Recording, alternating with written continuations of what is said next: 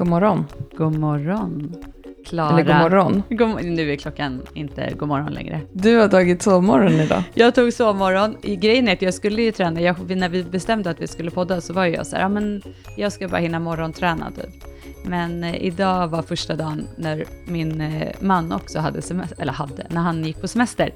Så eh, då var det så här lite att vi inte hade någon klocka som ringde och så, och då blev det sovmorgon. Men det var väldigt härligt. Det är ändå någonting som, eh, om man tänker på sommaren, vi har ändå pratat en hel del om det här med sommar och förväntningar och tankar och sådär. Och det är ändå någonting som vi båda uppskattar, det är att inte liksom ha en klocka som ringer, att man faktiskt kan få ha lite slöa månader och det gör ingenting om dagen inte drar igång och så vidare, beroende på såklart barn som är igång.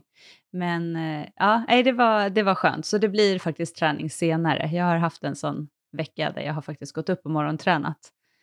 Så nu kör jag på lite gym. Jag la lagrar lite gympass innan eh, husvagnssemestern. Så att jag, för då blir det inte lika mycket gympass. Liksom. Nej. Kommer ni träna, alltså vad, hur brukar ni träna när ni är på on the road? Vi brukar faktiskt träna hela familjen lite. Alltså vi, så här, det här med att sänka tröskeln och bara göra någonting brukar vi nog tänka. Eh, mm. Nu låter det så här pretto, vi tränar hela familjen. Men vi är, alltså så här, att man kanske, låt oss säga att man går upp på morgonen och så går man och så köper bröd till exempel, färskbröd i, i något bageri eller något. Och så går man hem och så gör man lite situps och armhävningar innan man äter frukost. Typ så har vi mm. gjort till exempel.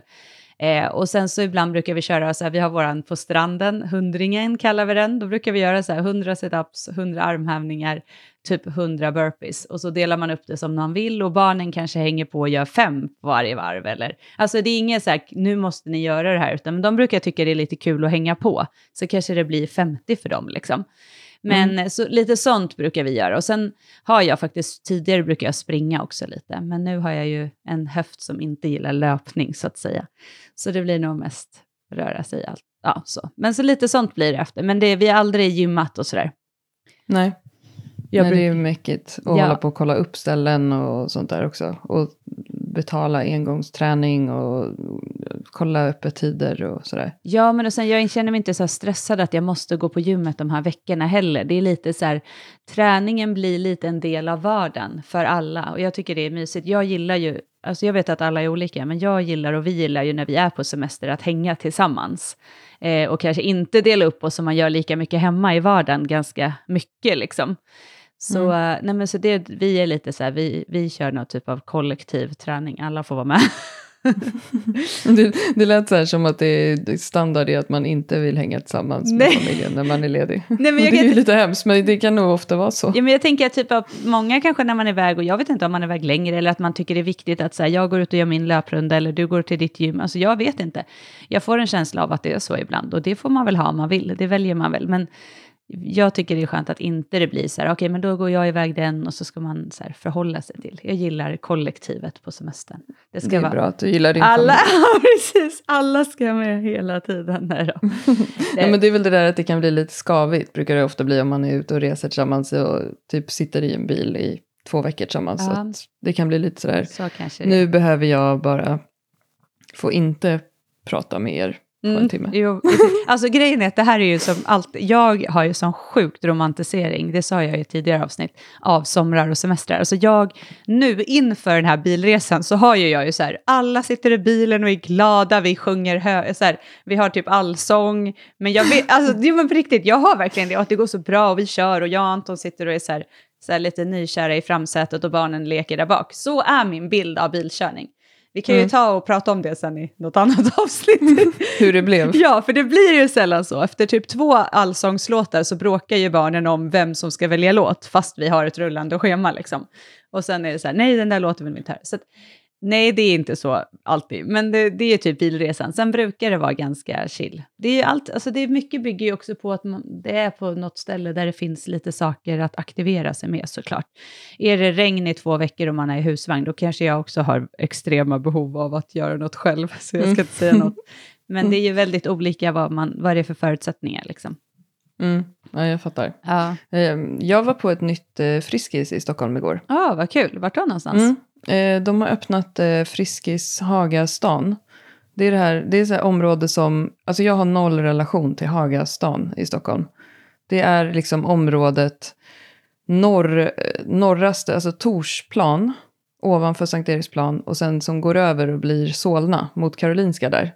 Där har jag liksom aldrig några ärenden överhuvudtaget. Men där har det liksom växt ihop så att staden har växt ihop med eh, det som tidigare var, ja, jag vet inte fanken vad det var där förut i alla fall. Men där öppnade de i alla fall nu ett nytt Friskis som är, skitbra. Så jag blev så himla glad. Så här, eh, flera styrkelyftstänger, eh, plattformar, en rigg, en bootybuilder tycker jag, alltså nu för tiden jag, tycker jag att det är jätteviktigt att det finns på ett gym. Eh, mitt hemma Friskis har tyvärr inte det. Och det är ju mycket mäckigare att rigga eh, hip thrusts om det inte finns någon.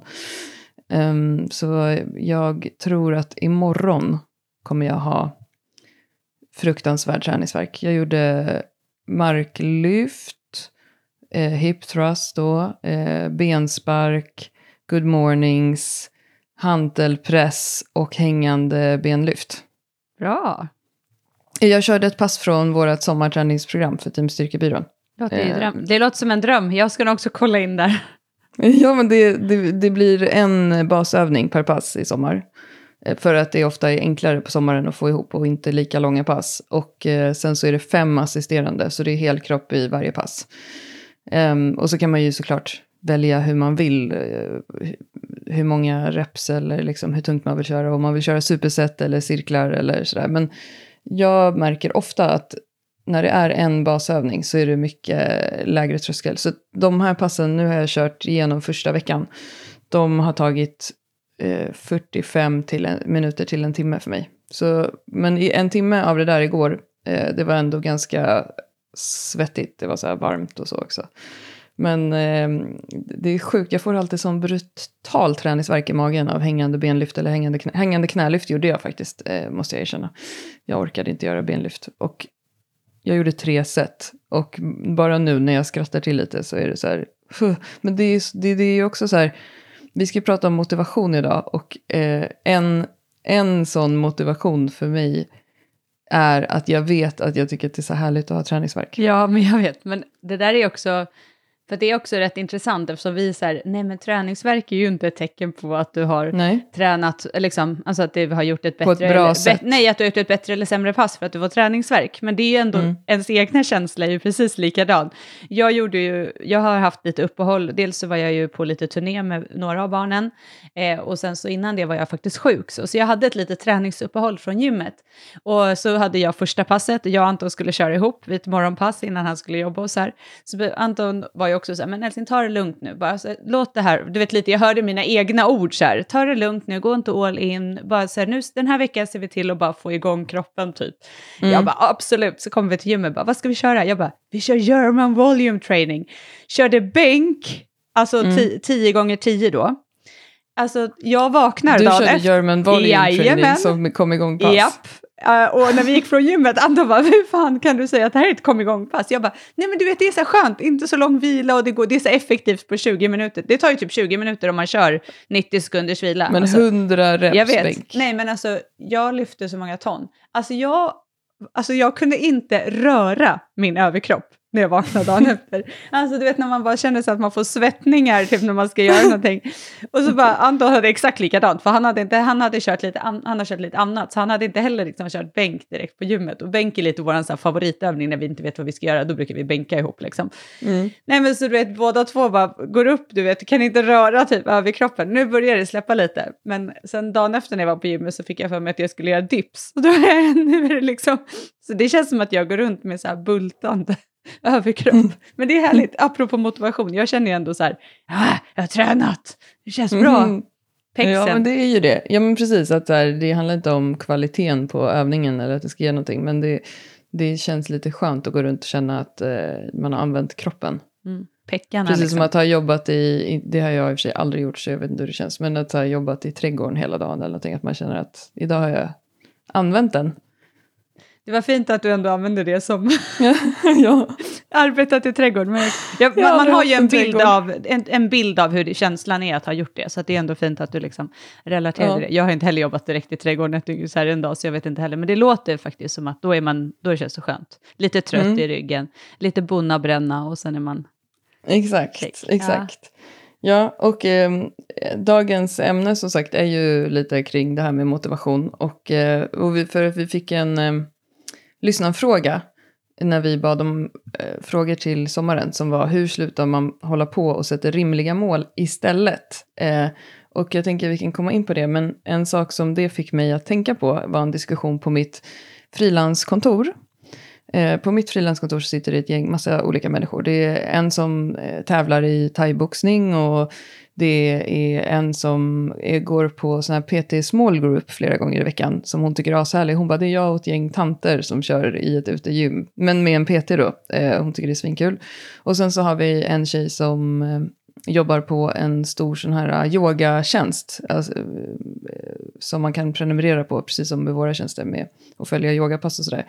Och då började vi prata om, för då Åsa på mitt kontor eh, sa till mig att och det här har vi diskuterat jättemånga gånger med henne, för att hon blir alltid så provocerad av, när du och jag drog igång Styrkebyrån, så pratade vi väldigt mycket om det här med prestationsinriktad träning, att istället för att eh, fokusera på hur kroppen ser ut, eller istället för att springa lopp, så kan man eh, bli motiverad av att öka vikten på styrketräningen, alltså vikterna på stången eller hantlarna, eller vad man nu kör. Så här. Och att det kan vara en stark motivation. Och då pratar vi väldigt ofta om att så här, du behöver ha ett mål, du behöver ha ett mål, annars så vet du inte varför du går till gymmet. Och Åsa var alltid så här, hon blev så här provocerad av det på något sätt. Och vi har skrattat åt det flera gånger, att hon blev nästan så här upprörd. Och bara, jag behöver inget mål. Men så, sa, så blev det som att jag och den här tjejen som jobbar med yoga, hon är ju också inne i träningsbranschen, hon bara, men du måste ju veta varför du gör det. Om du inte vet det så skulle du inte gå dit. Och, och där så hade vi en intressant diskussion kring just det här med att ett mål behöver ju inte vara 100 kilo i marklyft eller 5 kilometer på en viss tid eller någonting sånt. Utan att det är just det här med att om du inte vet varför du går dit så blir det ju jätteomotiverat att gå dit. Alltså det är väl ungefär som att gå till affären utan att handla något. Alltså bara glider runt där. Eh, men, och jag tror ibland att vi kanske behöver Eh, nu, har väl vi, nu är ju inte vi lika mycket heller som när vi drog igång podden. att vi bara alla ska ta eh, sin kroppsvikt i marklyft, utan, men mer det här med att liksom kanske förklara lite vad vi menar när vi säger ett mål. Eh, och det handlar ju mycket egentligen kanske inte så mycket om mål, utan om motivation. Och den här frågan då, hur slutar man hålla på och sätter rimliga mål istället? Min första tanke när jag läste den var att jag vet ju inte vad det betyder. Jag vet inte bakgrunden, jag vet inte vad den här personen har för orimliga mål. Men det jag tänker på är att vissa människor eh, motiveras ju av att ha orimliga mål. Alltså, när du hade det där målet, vad var det, om att göra 20 chins? Ja, men jag, jag Då var väl det lite orimligt från början? Ja, jag har nog alltid, eller alltid, jag har varit en sån person som sätter eh, ganska, or, eller, ganska tuffa mål. Och jag har oftast, eh, det är klart jag inte har nått alla mål jag har satt gällande träning i mitt liv, men jag tror att för mig blir det så här, jag sätter ett mål och så säger folk så här, men du är ju helt sjuk i huvudet. Ja, jag vet. Och så, så är det liksom min drivkraft i att så här, någonstans bevisa att jag kan klara det. Eh, vilket blir också ibland att jag hamnar i situationer där jag bara, varför har jag satt det här målet? Och vem gör jag det för? Och det tror jag, det är nog någonting som jag har så fattat i efterhand. Alltså, framför allt när jag så här, fick liksom sluta med vissa saker och känna så här, att jag typ, först kändes det lite som att jag tog bort så här, en del av min person. Alltså lite det här när man, man, är ju inte sitt mål, man är inte sin prestation, man är en person, men sen har man Liksom det. Och i början så var det så mycket att jag var så vem är jag då? Vem ska jag vara om inte jag gör det? Alltså det här. Men nu inser jag ju så efteråt när jag, att för mig har det varit en drivkraft som inte alltid har legat hos mig själv i det, liksom på riktigt att jag gör så pass mycket för att jag vill det, utan det har mer varit att att kunna visa att jag klarar det har varit en drivkraft för mig. Alltså förstår du vad jag menar? Medan nu så skulle jag inte kunna ha en sån typ av drivkraft för att det ligger för långt ifrån liksom, varför jag måste vara där, eller måste, varför jag är på, på gymmet eller varför jag gör det här. Ja, eh, men... Vi pratade lite om det här elitstyrkans hemligheter mm. som går på tv varje år. Och det är ju en sån grej där det är ett gäng som gör helt sjuka saker eh, under en vecka eller vad det är, åtta dagar tror jag. Och när jag tittade på det så kom jag att jag sa till dig så här, jag förstår liksom inte, alltså jag har inget behov av att eh, firas eh, ner från en helikopter, alltså klättra upp till en helikopter över en fors. Jag, jag motiveras noll av det. Eh, och, jag und och jag tycker det är så intressant att vissa, som du säger, att man sätter ett mål som man bara så här, jag ska visa att jag klarar jag, jag känner nog inte att jag behöver visa för någon, men det spelar ingen roll om det är det man motiveras av så ska man ju göra det. Men jag tror att det är extremt många, eller extremt, jag tror att det är ganska många som känner som jag. Att, eh, och, och, det är väl det som är lite så här, varför vi har pratat så mycket om det här, för att vi har träffat så många genom åren som har börjat träna med oss och som har haft uttalade mål som vi har känt så här, fast det här stämmer inte. Du, du motiveras inte alls av eh, milen på 50 minuter.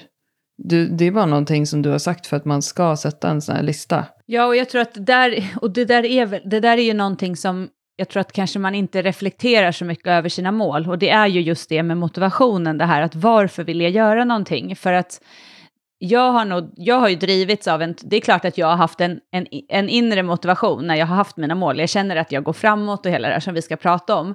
Men och så det är klart att motivationen har legat, jag har ju haft, drivkraften har ju såklart legat hos mig, annars hade jag aldrig kunnat lagt de här timmarna.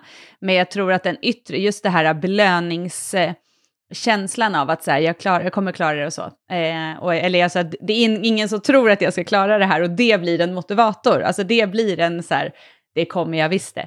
Sen är det klart, alla jäkla timmar man har lagt på att träna på det här, så är det klart att det var någonting jag tyckte var kul. Sen var inte alla pass roliga, men jag hade väl tillräckligt stark drivkraft. Men, och det är också intressant för att i träningen så har jag alltid haft så, alltså satt höga mål och velat mycket och liksom nått många av de mål och så jag har velat. Men när det gäller mitt liksom, vad ska man säga, privata liv eller i mitt arbetsliv, det, du och jag har drivit ett företag, vi är ju kassa på att sätta mål och följa upp och så, egentligen. Mm. Eh, mm. för vi är ju så extremt, där är vi extremt så här, känslostyrda och vill så här, att det ska vara lustfyllt och kul och härligt. Och liksom, visst, det är ju ett mål i sig, men jag har ju liksom ingen plan att så här, ah, nu har jag pluggat i fyra år, om fem år, då ska jag göra det här, eller då ska jag göra... Alltså, då ska jag vara chef. Nej, men absolut inte. Och det har jag nog typ aldrig haft. Jag vet att vi, jag hade, när jag pluggade, första gången jag pluggade så läste jag en utbildning som heter sportsmarketing. Och det var en sån här kvalificerad yrkesutbildning som, var, som jag tyckte skitmycket om. Och då vet jag att jag, vi hade ett så här säljkurs typ, så här, skulle ha, prata om sälj. Och då vet jag att jag tänkte så här, shit vad jag är imponerad över den här personen som hade den kursen, som var så här, du vet lite så här, hade en bild på någon, det här är väl också, här, nu, det här är typiskt män i min värld, så här, säljarmän. En bild på typ då en bil på sitt skrivbord som han ville köpa för att han skulle liksom, han hade det drivet, det var hans drivkraft att säga jag ska tjäna så mycket pengar så jag kan köpa den här bilen. Alltså det kan man ju tycka är så här ytligt och allting, men samtidigt det är ju så här en drivkraft som gör att så här, så, det är mitt mål liksom. Och då kommer jag ihåg att jag var så här, shit, gud vad jag, jag vill också så här, sätta upp en bild på något jag vill nå eller uppnå. Så här, eller, du vet, och ha... där blir det ju exakt det där med milen på 50 minuter, ah. att din, du vill inte köpa någon bil. Nej. Alltså, så det blir ju helt irrelevant för dig. Ja, och då blir ju inte den, den hjälper ju inte mig att komma dit jag vill. För jag, den är, det är ju inte tillräckligt starkt. Nu var det inte just en bil jag hade, men jag vet att jag var Nej. så himla så här, gud, det här ska jag verkligen, så jag måste anamma det här och så. Eh, och sen insåg jag ju så här, har jag ju insett när jag är vuxen, att så här, gud, jag drivs ju inte, alltså jag drivs ju av att kunna få det här mejlet från en förälder om att ens barn typ har börjat gilla att gå i skolan, eller typ en person som har tränat eh, för att den har mått dåligt och tror att den ska gå ner i vikt och så har fått kan skicka att bara, jag drog så här mycket i mark och shit, jag mår så jävla bra, typ, jag tog en bulle efteråt. Alltså, det för mig, eh, och det vet jag för dig också, det är ju en helt annan drivkraft i varför. Så kan ju vi säga många gånger, så här, det, här, det är ju det här, det är därför vi gör det här. Det är ju inte för att så här, jag ska kunna köpa det där äh, jävla sommartorpet eller någonting. Liksom. Utan det finns en annan drivkraft. Och det, ja, och det är, och det är så intressant. Ja, verkligen. Och, um, jag tänkte på det också, för så länge jag har känt dig så har ju du alltid haft ett stort ideellt engagemang i barnidrott. Och jag menar, eh, ditt mål är, väl, är ju definitivt inte att dina kids ska vinna alla matcher. Eh, men det finns säkert eh, barntränare. Utan det är just det där jag upplever när jag hör dig prata. Att det som du lyfter fram och är så himla peppad över är så här, ja men gud, den här tjejen kämpar så jäkla hårt och kommer på alla träningar och har utvecklats så mycket och det är så inspirerande att se den som kämpar mest. Eh, när den känner liksom tillfredsställelse, då mår du bra. Och det där är ju jätteintressant. Vi pratade ju om det med de här personlighetstesten som vi gjorde som var lite på skoj. Men jag har gjort massa sådana när det gäller arbete senaste året. Och det var då jag fick så här tydligt för mig att men gud, det här är ju anledningen varför jag och du i yrkesmässigt, eh, alltså i, när man jobbar med vad som helst, driva eget företag eller projektledning eller vara anställd på en arbetsplats, så, så det finns ju ganska många som har just motivation att här, jag ska bli chef på det här stället. Och jag är så himla ointresserad av det. Jag har insett så himla mycket att nu är jag 43 år gammal. Jag tycker om att jobba operativt. Jag tycker om att göra och, och, och fixa och dona och lägga upp någonting på webben och hjälpa någon med det. Och när jag ser att, eh, när vi ser att någon använder våra träningsprogram och får effekt av dem, då, det motiverar oss snarare än liksom, jag, jag har den här titeln eller jag har den här lönen. Och det, då blir det också mycket lättare att navigera i vad jag behöver göra för att bibehålla det. Men det handlar ju också om det här med rutiner som vi också pratar om så ofta, så tråkigt. Att ett, en motivation kan ju vara, eh, för mig, känslan av till exempel det jag sa, att jag tycker att det är gött att ha träningsverk. Eller jag, för mig också, jag vet att jag blir piggare och inte grinig när jag tränar. Det är en eh, stark motivation för mig, men den kräver ju att det finns en rutin, att jag vet att, alltså typ eh, att jag vet att om jag inte borstar tänderna på en månad så kommer jag få dåliga tänder. Eh, jag behöver ju veta det i mig själv också, att det är förankrat. Annars så blir det ju också så här, oh, alltså det blir fluffigt. Eh, och, och, har man inte den där rutinen då för träning, alltså eh, jag vet att det finns också många liksom, i vår bransch som uttrycker sig så här, ja men det är inte alltid så kul. Och det är liksom, det är inte så peppigt och, och, och det är, ibland får man bara bita ihop och göra det. Liksom.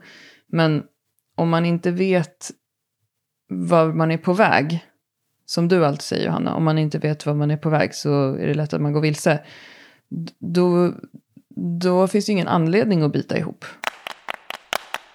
När vi börjar prata om motivation eh, så handlar det ju om ens varför. Alltså om vi pratar om träningen nu och då, när man, om man liksom går tillbaka till den där frågan, egentligen så här, hur sätter man rimliga mål, vad, hur slutar man hålla på, eh, så handlar ju det så mycket om ens varför. Att det kommer ju dels förändras över tid. Alltså som sagt, mitt varför har ju förändrats brutalt egentligen sen, skulle jag säga, pandemin. Eh, och dels så måste man ju acceptera sitt varför, alltså att någonstans gå till botten och så här, var, om någon säger så här, varför gör du det här? Vi brukar ju säga när vi har föreläsningar om det här, just att ställ det här varför tre gånger, att svara på frågan varför, liksom tre gånger, så kommer du någonstans att hamna i en så här, vad det är som är kärnan i att du vill nå dit.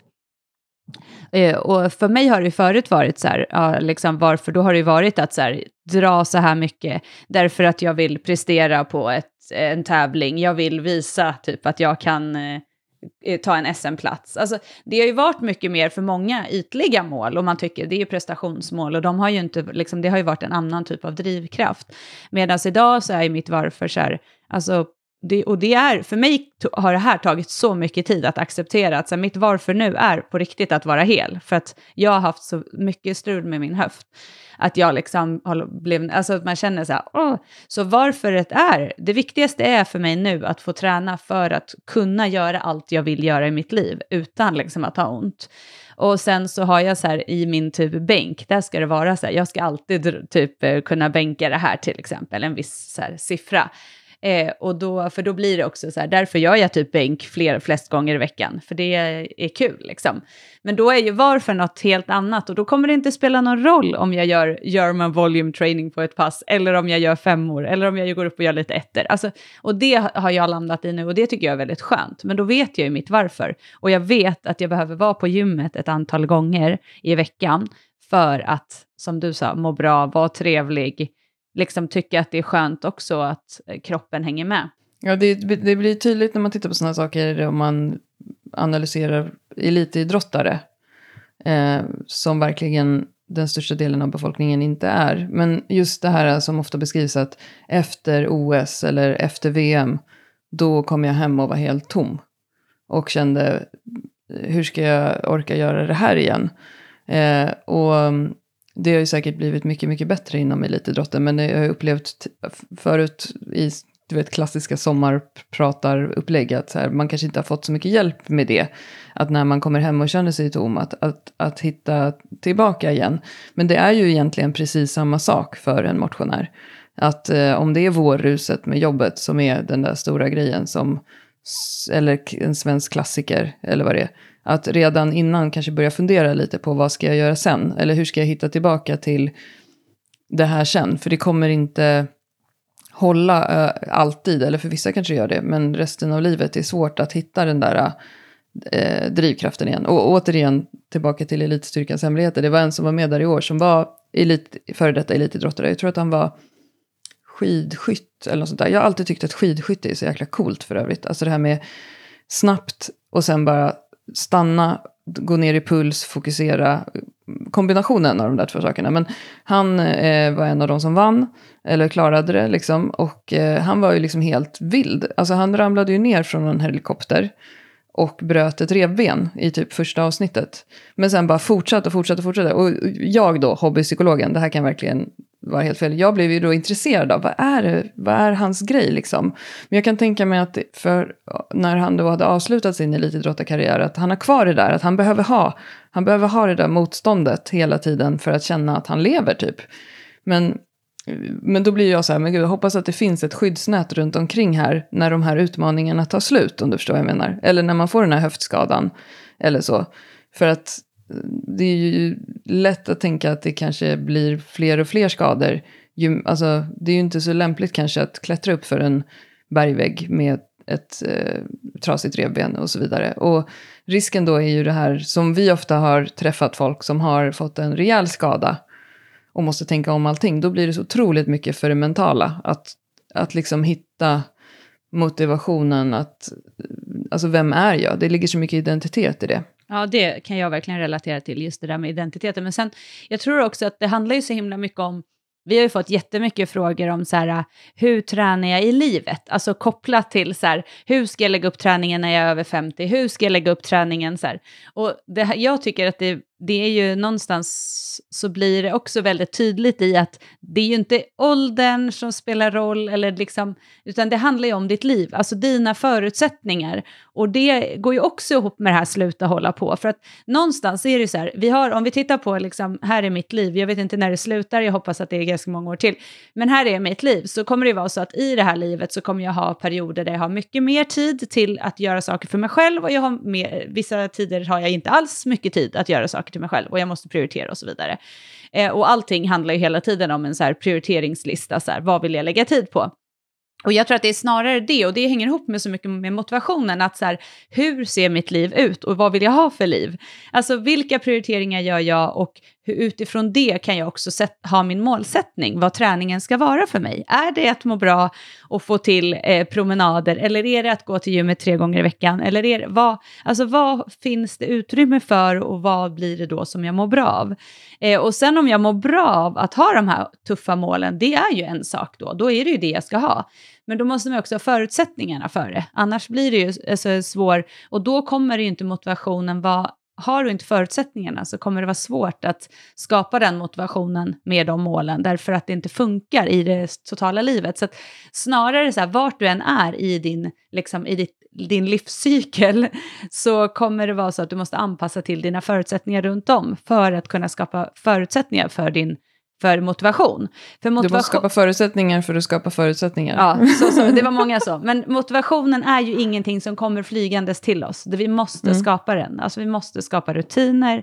Vi måste ge oss förutsättningar för att börja känna någonting. Alltså så är det ju. Så det du säger låter, det handlar jättemycket om att man verkligen måste gå tillbaka till sig själv och reflektera över vem man är och vad man har för drivkrafter. Och en, en grej just inom arbetslivet som, det, som är lite trendig att prata om just nu eh, är ju det här med inre och yttre motivation. Och det har vi pratat om i podden förut också, där liksom yttre motivation beskrivs som just det här eh, du pratade om innan med yttre belöningar. Alltså det kan vara högre lön eller få en chefsposition eller dra 100 kilo i marklyft. Medan inre motivation är mer att ett beteendet i, själv, i sig själv leder till tillfredsställelse. Alltså det som gör att jag liksom går upp på morgonen.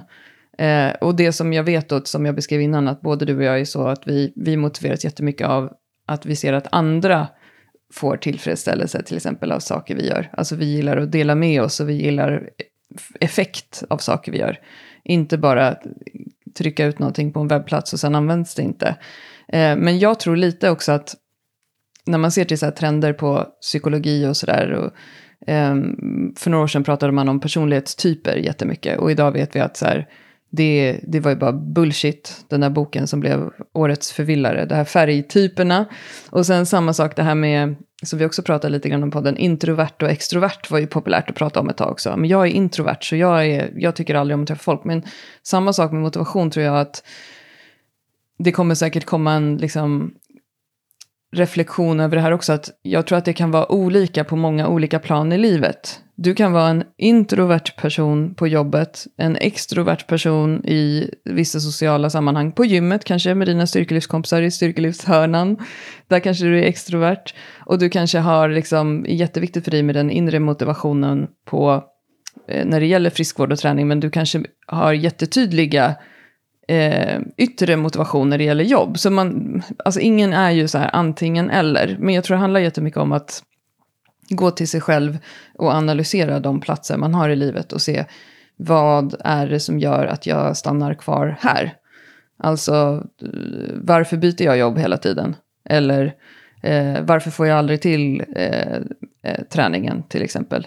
Men ehm, för då får man, precis som du sa, man ställer de där frågorna så kan man hitta nycklarna. För just den här kopplingen att till exempel, jag skulle kunna dra en koppling till att jag vet att jag blir bättre på jobbet om jag tränar. Då blir det en motivation för mig att mina dagar, arbetsdagar blir bättre om jag går iväg. Som jag gjorde igår, så gick jag och tränade klockan tre på dagen och sen så jobbade jag vidare efter det. Då vet jag att jag kommer vara piggare för de där sista timmarna.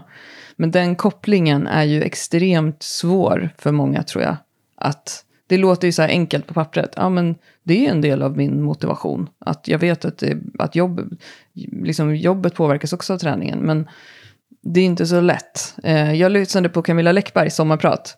Det har varit väldigt uppmärksammat för att hon är väldigt eh, naken i, och ärlig i att prata om sin relation till sin kropp. Hur hon, precis som väldigt, väldigt, väldigt, väldigt, väldigt många kvinnor hela sitt liv har liksom haft ångest kopplat till sin kropp. Och hon sa, det var också lite roligt för hon sa, hon var ju lite så här, det var lite så här, eh, no more fucks to give. Hon bara, jag hatar träning, sa hon typ så här. Och hon bara, hon bara, vet du, till alla de som säger så här, du har bara inte hittat rätt träningsstil. Det finns någon för alla. Så sa hon, så vill jag bara säga, fuck off. Och så spelade hon den här låten, fuck you, fuck you very. Men då kände jag så här, den inre PTn i mig som bara ville säga så här, men Alltså jag bara, alltså det här är så roligt. Jag tänkte bara så här, om hon skulle gå på en workshop med mig och Johanna i marklyft och vi skulle få Camilla Läckberg och dra 100 kilo i mark. Jag, jag tror på det. Alltså jag tror vi skickar ett meddelande här till Camilla Läckberg. Kom och dra 100 kilo i mark eh, med oss så kommer mm. du att hitta din motivator. Ja. Men det, det där är ju jätte, det, ja, det är spännande. Men det här med, just det här med liksom den inre motivationen pratar man ju mycket om eh, när jag föreläser eh, på så hockeykurser, grundkurser för tränare, så pratar man ju om just motivation eh, för barn jättemycket. Alltså så här, vad är det, hur, hur, för det är ju många, så här, det, det, är ju en fråga, så här, hur får jag dem att bli motiverade? A.k.a. hur får jag dem att köra det här utan att liksom behöva tjata? Och då, det handlar ju om den inre motivationen och, och för små barn och egentligen upp i ganska långt upp i åldrarna skulle jag säga, så handlar det ju om eh, att väcka den här inre motivationen. Och det är ju som en cykel som hör ihop med att rörelse, glädje, att de får känna någonting, att när de gör det här så känner de så oj gud, jag blir bättre, jag kan göra det ännu bättre. Det blir en social tillhörighet till gruppen, det finns en glädje, ja men helt plötsligt så vill man röra på sig ännu mer, man vill göra övningen ännu mer avancerad. Ja, och då blir det liksom en en cirkel som går runt, där det handlar om både beteende och eh, aktiv, fysisk aktivitet och psykologin och liksom mm. en förändring. att beteende. man får lyckas. Ja, och det handlar ju om att, det handlar ju, jag kommer aldrig kunna säga till någon, så här, och det är också intressant när många pratar om sina barn, att så här, ah, men jag, får, jag vet inte hur jag ska få dem att gå ut och göra det här, eller de bara sitter med sin telefon eller vad det må vara. Det handlar ju om att så här, det kommer inte kunna så här, banka in motivation i barns kroppar, utan det handlar ju om att skapa det här. Alltså, okej, okay, hur kan jag göra det då? Ja, men då kanske jag får gå med ut, eller ja, gå med ut och vi kickar tillsammans eller någonting. För att så här, jag vet att när den här eh, kommer ha kickat tio kickar till med fotbollen så kommer det automatiskt vara så att hen vill eh, försöka göra tio kickar till. Alltså, och hela det här att just skapa det inre, och det är det det handlar om för vuxna också någonstans, att du måste eh, få en chans att känna någonting. För det blir svårt annars. Det kommer inte liksom flygande. Och då kommer det ju kräva att du gör vissa saker till en början där du får börja känna. Där det är så här, oj, gud, det var lite enklare den här gången. Jag kräktes inte, typ, fast jag alltså, lite så, nu överdrev jag, men alltså just att, ah, nu kändes det lite skönt så här och nu gick det här bra och gud, den där känslan efter träningspasset, den vill jag uppleva igen. Ja, jag går till gymmet en gång till, eller jag sticker ut och springer en gång till, eller jag kör det här utepasset i trädgården en gång till, för känslan efteråt var så härlig.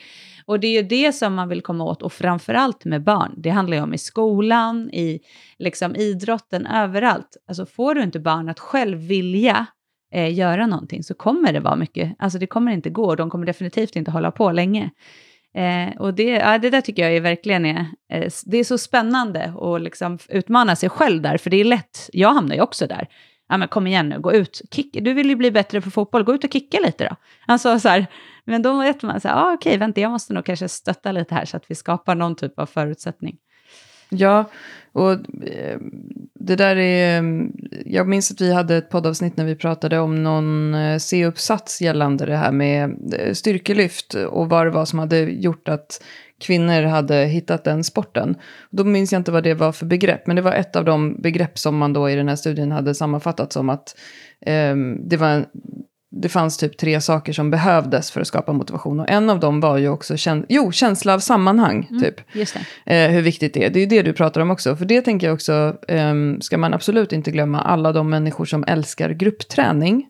Eller löpning i grupp. Den tror jag kan jämföras ganska mycket med eh, fans på en konsert. Du tänker alla Billie Eilish-fans som har något community på nätet där de pratar med varandra varje dag om Billie Eilish. Sen går de på den där äh, Lollapalooza-konserten och så står de där i publiken och sen när låten kommer och alla sjunger med så känner de bara så här jag är i himlen. Det tror jag är lite känslan som många som gillar gruppträning känner också. Att man vet att på passet, så kom, när man känner att alla har flow eller någonting, alla gör tillsammans, Eh, och det tror jag också är en stark motivation för många när man kan göra den där kopplingen som jag kunde prata om med jobb, träning.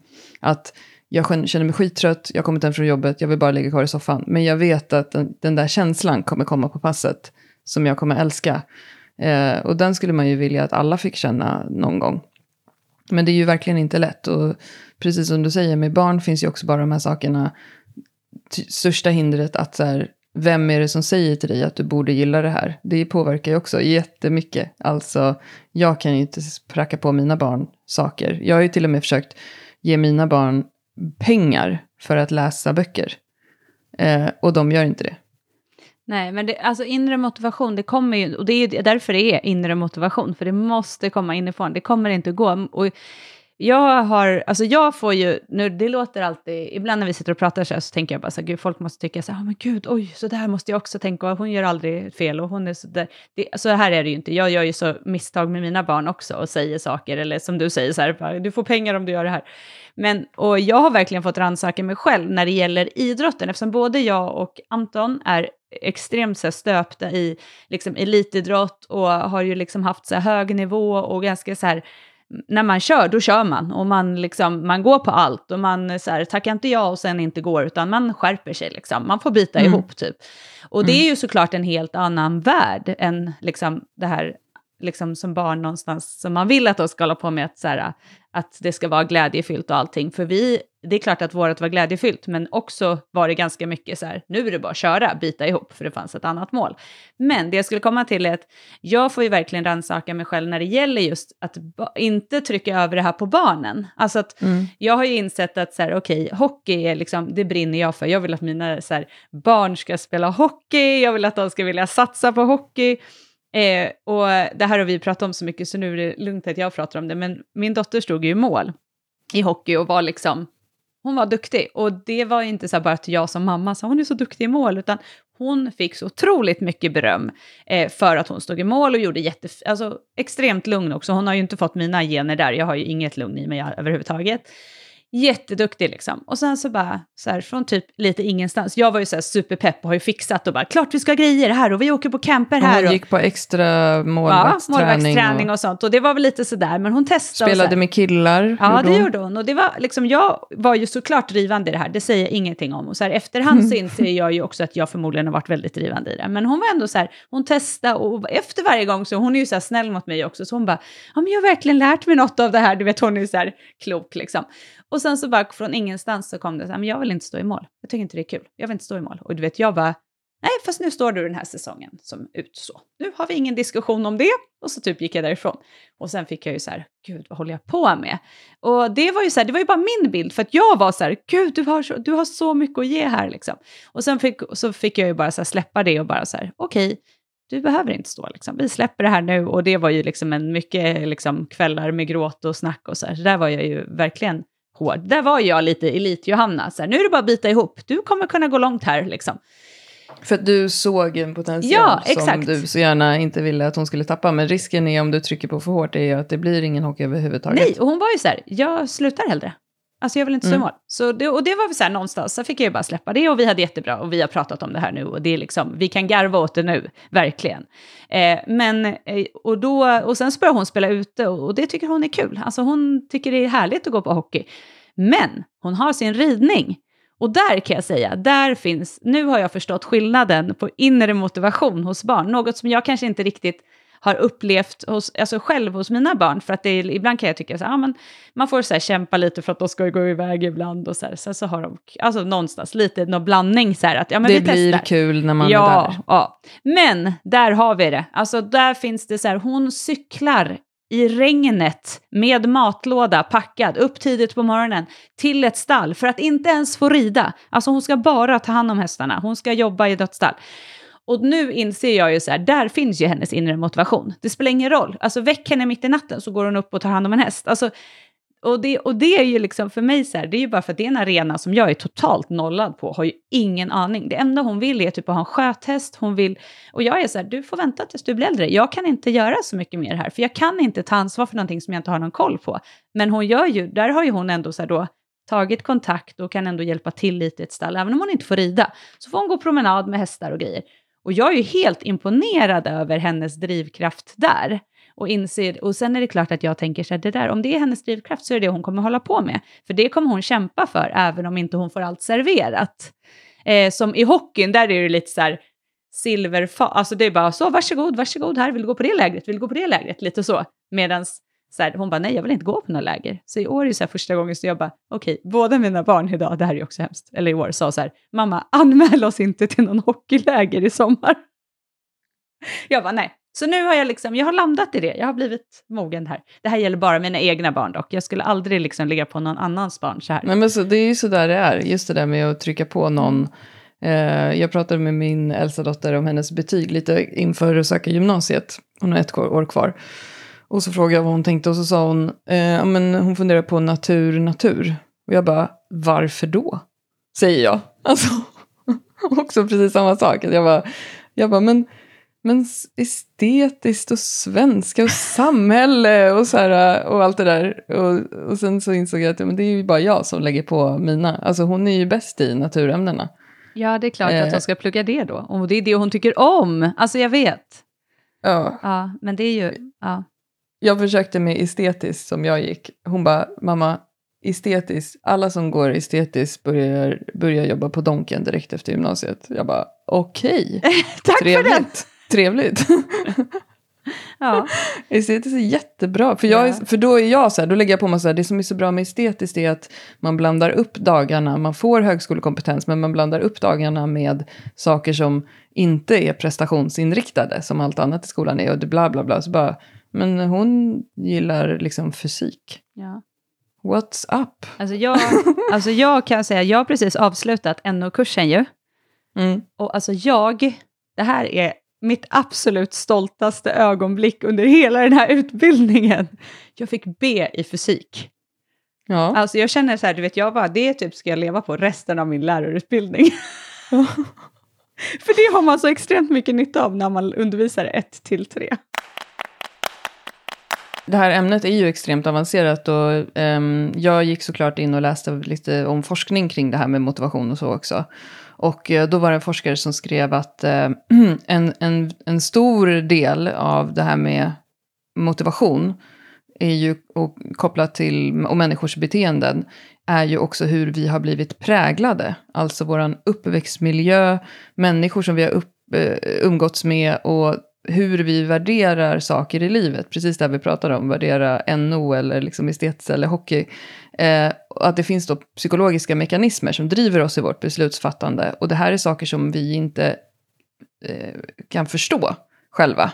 Och därför gör ju det här att det blir väldigt eh, komplext. Alltså det som driver oss i grunden är ofta saker som vi är helt omedvetna om. Så att man får ju också ge sig själv som slack, alltså inte vara så hård mot sig själv i eh, många av de här sakerna som man absolut inte eh, tänker på överhuvudtaget. Och det där ser man ju till exempel en sån sak med eh, barn som har då eh, vårdnadshavare som är akademiker, som har pluggat, att hur man väljer eh, gymnasium och så vidare, och vilka inriktningar man väljer och hur hårt man liksom pushar sina barn att satsa. Jag är ju helt så här förskräckt typ i skolan, hur tidigt man liksom ska pusha sina barn. Eh, att det är så här, gud, låt bara barnen få vara lite. Sen jag fattar också, vi har en helt annan värld idag än, än bara när vi gick ut, för då var det så här, ja du vill göra det här, ja men gör det då. Alltså, så det är klart att vi har ett helt annan, en helt annan samhällsbild, men, men att liksom, det är ju också en sån sak som vi påverkar, och där är det ju tvärtom. Nu, nu har jag läst en akademisk utbildning, men jag har inte haft det tidigare, och liksom, just det här att, eh, eh, att jag är ju extremt så här, noga med att så här, ni måste orka leva. Alltså ni måste orka vara barn, ni måste orka ha en fritid. Det går inte att liksom lägga allt, allt, allt på skolan i de här åldrarna. Liksom. Eh, och det är ju det är liksom för att jag tycker att det är så viktigt, medan jag kan se att det finns å andra hållet där man då, nej men du måste, du måste välja bort det här för du måste satsa på skolan nu, nu kan du inte gå på den här träningen för du måste plugga liksom. Mm. Men där blir det ju också värderingar. Ja. Alltså min yngsta dotter som ska börja sexan nu, hon har en kompis, de, deras enda sovmorgon har, i femman har varit på fredagar. Och då har hon en kompis som har gått upp och gått till skolan klockan åtta på fredagar för att läsa extra matte. För att eh, vara extra bra på matte för att sen komma in på en bra skola. Eh, och är då 11 år gammal, 12. Um, ehm, och och då, där kommer ju då mina värderingar in, att jag är precis som du, så här, men vilken stress och vilken press att sätta så här, men det, kanske, det här kanske är, i den här kontexten så är det kanske ett, ett barn som ex, har extremt hög inre motivation till det. Och känner att resten av alltså mat, vanliga matten i skolan är jättetråkig och ett sätt att hålla den vid liv är att få den här extra. Så man måste ju alltid backa till liksom just det där med vad, vad lägger vi, vi har alla liksom olika nycklar där inne. Så att eh, kontentan av hela det här snacket blir på något sätt att gå tillbaka till vem är du? Och det känner jag är en stor del i det här med att det är så skönt att vara 40 plus. Att, eh, som vi har pratat om många gånger på den, att, att vara en person som känner sig eh, stolt och trygg i att säga så här, jag, eh, jag gillar inte äventyrsresor. Jag har inget behov av att hoppa bungee jump. Jag, jag, jag trivs bäst eh, när jag fyller år att, eh, att ha en, en middag med familjen. Sånt som, som jag som ung, när jag var liksom 20, kände att jag borde verkligen... Alla andra gör ju de här sakerna och tycker det är kul. Men eh, att idag vara trygg med, det här är, det här är jag. Jag trivs i, i de här, eh, och det är helt fine. Man behöver inte vara... Man kan också vara en person som bara vill ha ett jobb. Alltså att bara ha ett jobb idag och säga så här, men jag vill bara ha ett jobb och eh, liksom ha en ekonomi som jag kan hantera och, och vara med min familj. Idag är ju det så här, då blir det något så här koncept att det handlar om att man är downsizad eller man är minimalist eller man ska göra en exit eller det är ett koncept. Men att så här, bara vara en person idag är ju inte så vanligt. Gud vad, nu blev det lite filosofiskt här.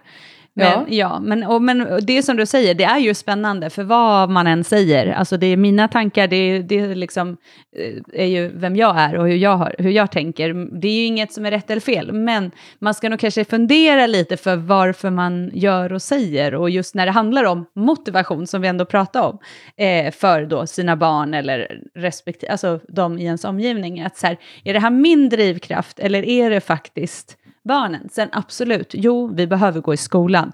Och, men däremot så tror jag att vi måste hitta sätt som gör att barnen vill gå och må bra att gå i skolan under en längre tid, för det är det vi kommer ja. behöva utsätta oss för. Eh, ja. så det är liksom, men det är, det är jättespännande, för just det här med hur får vi, liksom, hur får vi fram den här inre drivkraften och motivationen till att göra det som man behöver göra. Mm. Någon, någons träningsmotivationsmål kanske är att eh, dens kompis eh, Benny säger att om, om du tränar eh, 100 pass på gymmet 2024 så får du 5 000 spänn av mig. alltså, det kanske är någons motivation. Ja, det kan det alltså, vara. Det, det, det, det, det är så olika eh, svar för alla. Och att säga så här, men jag, mår, jag blir en glad mamma och jag känner att det är bra för hjärtat och jag vill kunna eh, vara pigg när jag är 60. Bara, det är inte så många som lyckas hitta det som en eld inom sig som brinner. det kan Nej. bli så präktigt liksom. Ja. Men lite, lite, lite träningsverk i absen som jag har nu och eh, eh en pigg kväll med eh, middag med barnen och att jag lyckades eh, leverera massa grejer på jobbet igår. Det är bra motivation för mig. För dig ja, men för mig är det mm. bultande pex. Mm, ja. Vibrerande. Vibrerande pex. Det tycker jag ändå blir en bra avrundning på själva motivationssnacket. Ja, eh. det, här känns, det här är jättekul att prata om. Jag tror vi säkert kommer komma vidare eh, till det någon gång. Och eh, jag vet inte riktigt om vi svarade på frågan. Men kom gärna med fler frågor till oss som vi kan filosofera över. För vi är väldigt filosofiska i sommar. Extremt filosofiska i sommar. Och det här är mitt sommar. Ja, oh, gud vad härligt. Det är bra. Mm. Men Hörru. nu tycker jag du får packa iväg dig i din husvagn och ja. rulla, rulla bort. Så ser vi då. Rulla bort ja, nu mot solnedgången. Ja, exakt. Du, det får vi se då, hur mycket sol det blir. Nej, det ska inte vara hans väder så. Men vi får se då om min romantiserade bild av bilresan och eh, Eh, semestern är densamma när vi kommer tillbaka. Ja, det blir det intressant. Det blir en följetong. Mitt tips är ju hörlurar åt alla i bilen. Mm. Det är min standard. Ja, men det har vi också. Alltså, man får absolut inte ha telefonljud utan hörlurar. Det finns en regel för. Mm. Eh, och eh, jag vet att jag och Anton brukar ju bränna eh, lite eh, så böcker och sånt. Jag vet att vi lyssnade på den här ålevangeliet något år. Just det. Eh, och var helt fascinerade över ålar hela sommaren. Och det var typ sommarens eh, eh, ämne när man träffade nya människor. Att så här, gud, vet du om ålarna? Känn, ja, jag, jag, jag drog den här om veckan på ja. middag också. Jag bara, ålar. Alltså, ja, men alltså, så den jävla... går alltid att slänga in när man inte liksom vet vad man ska prata om. Alltså det är verkligen, eh, ja det är ål, evangeliet tänkte jag säga, den funkar alltid att slänga in som snacka om ålar. För ålar är en, en det är fascination för mig. Jag har hört eh. att någon har köpt option på den för att filmatisera den. Jaha, spännande. Mm. Ja, vi får se. Men så släng in mm. det. Har du inget att prata om i sommar, sitter du på något bröllop? Läs första kapitlet i Ålevangeliet, för ja. då kan man bli en sån som pratar om ålar Exakt. på varenda middag och möte som finns. Bröllop funkar alltid. Släng in Ålevangeliet där, första kapitlet, så är du home ja. safe. Eh, jag eh, var på bröllop här för eh, några helger sedan och lyckades visa brösten vid middagen och eh, eh, googlade en person som eh, jag eh, var helt säker på att jag hade träffat, så engagerade hela mitt bord i att ta reda på vem den här människan på bröllopsfesten var. Som sen slutligen bara visade sig vara en eh, materialare i hockey, i flickhockeyn, så jag hade träffat på isen. Så det var liksom, det var så här, värsta, byggdes upp värsta grejen av det här. Vem så här... är det här ditt partytips för i sommar? Visa brösten Visa brösten och prata om ålar. Gud vad bra. Nej, alltså det var, men det vart, det vart, en, det vart faktiskt sjukt rolig och vi hade väldigt kul vid vårt bord. Men jag hade en klänning som liksom, den var inte att Gled. den gled ner eller så, utan det var typ att ja, den, man drog ner den så här på axlarna, men så hade den glidit upp lite. Och då vart det en som en glipa ovanför, så jag visade typ inte bröstet, men då var det en tjej som skulle vara lite så smidig på andra sidan bordet och bara typ så här, Johanna, och så typ peka lite. Varpå jag så då drar ner och tror, och tror drar ner fel, så jag drar in fram hela Ja, och hon bra. bara, nej, andra! Så, ja. så det blev, en, det blev en så stående diskussion. Jag bjuder på det. Det blev en stående grej på den där eh, middagen. Men det var, vi hade kul. Det var eh, Det är helt naturligt med bröst. Ja, exakt. Det är ju det. Och det var, nej, det var dans hela natten och nattbad och allting. Det var ett superhärligt bröllop. Gud vad härligt. Riktigt sommarbröllop. Innan allt regn kom. Helt sjukt. Det började regna på morgonen när vi typ hade badat klart. Mm, Ja, härligt. Det var härligt. Men, så eh, mer ålar och bröst i sommar helt enkelt. Verkligen. Mm. Ålar och bröst. Japp. Vi, vi hörs igen snart. Ja, då. det gör vi. Ha det bra. Hej då. Hej.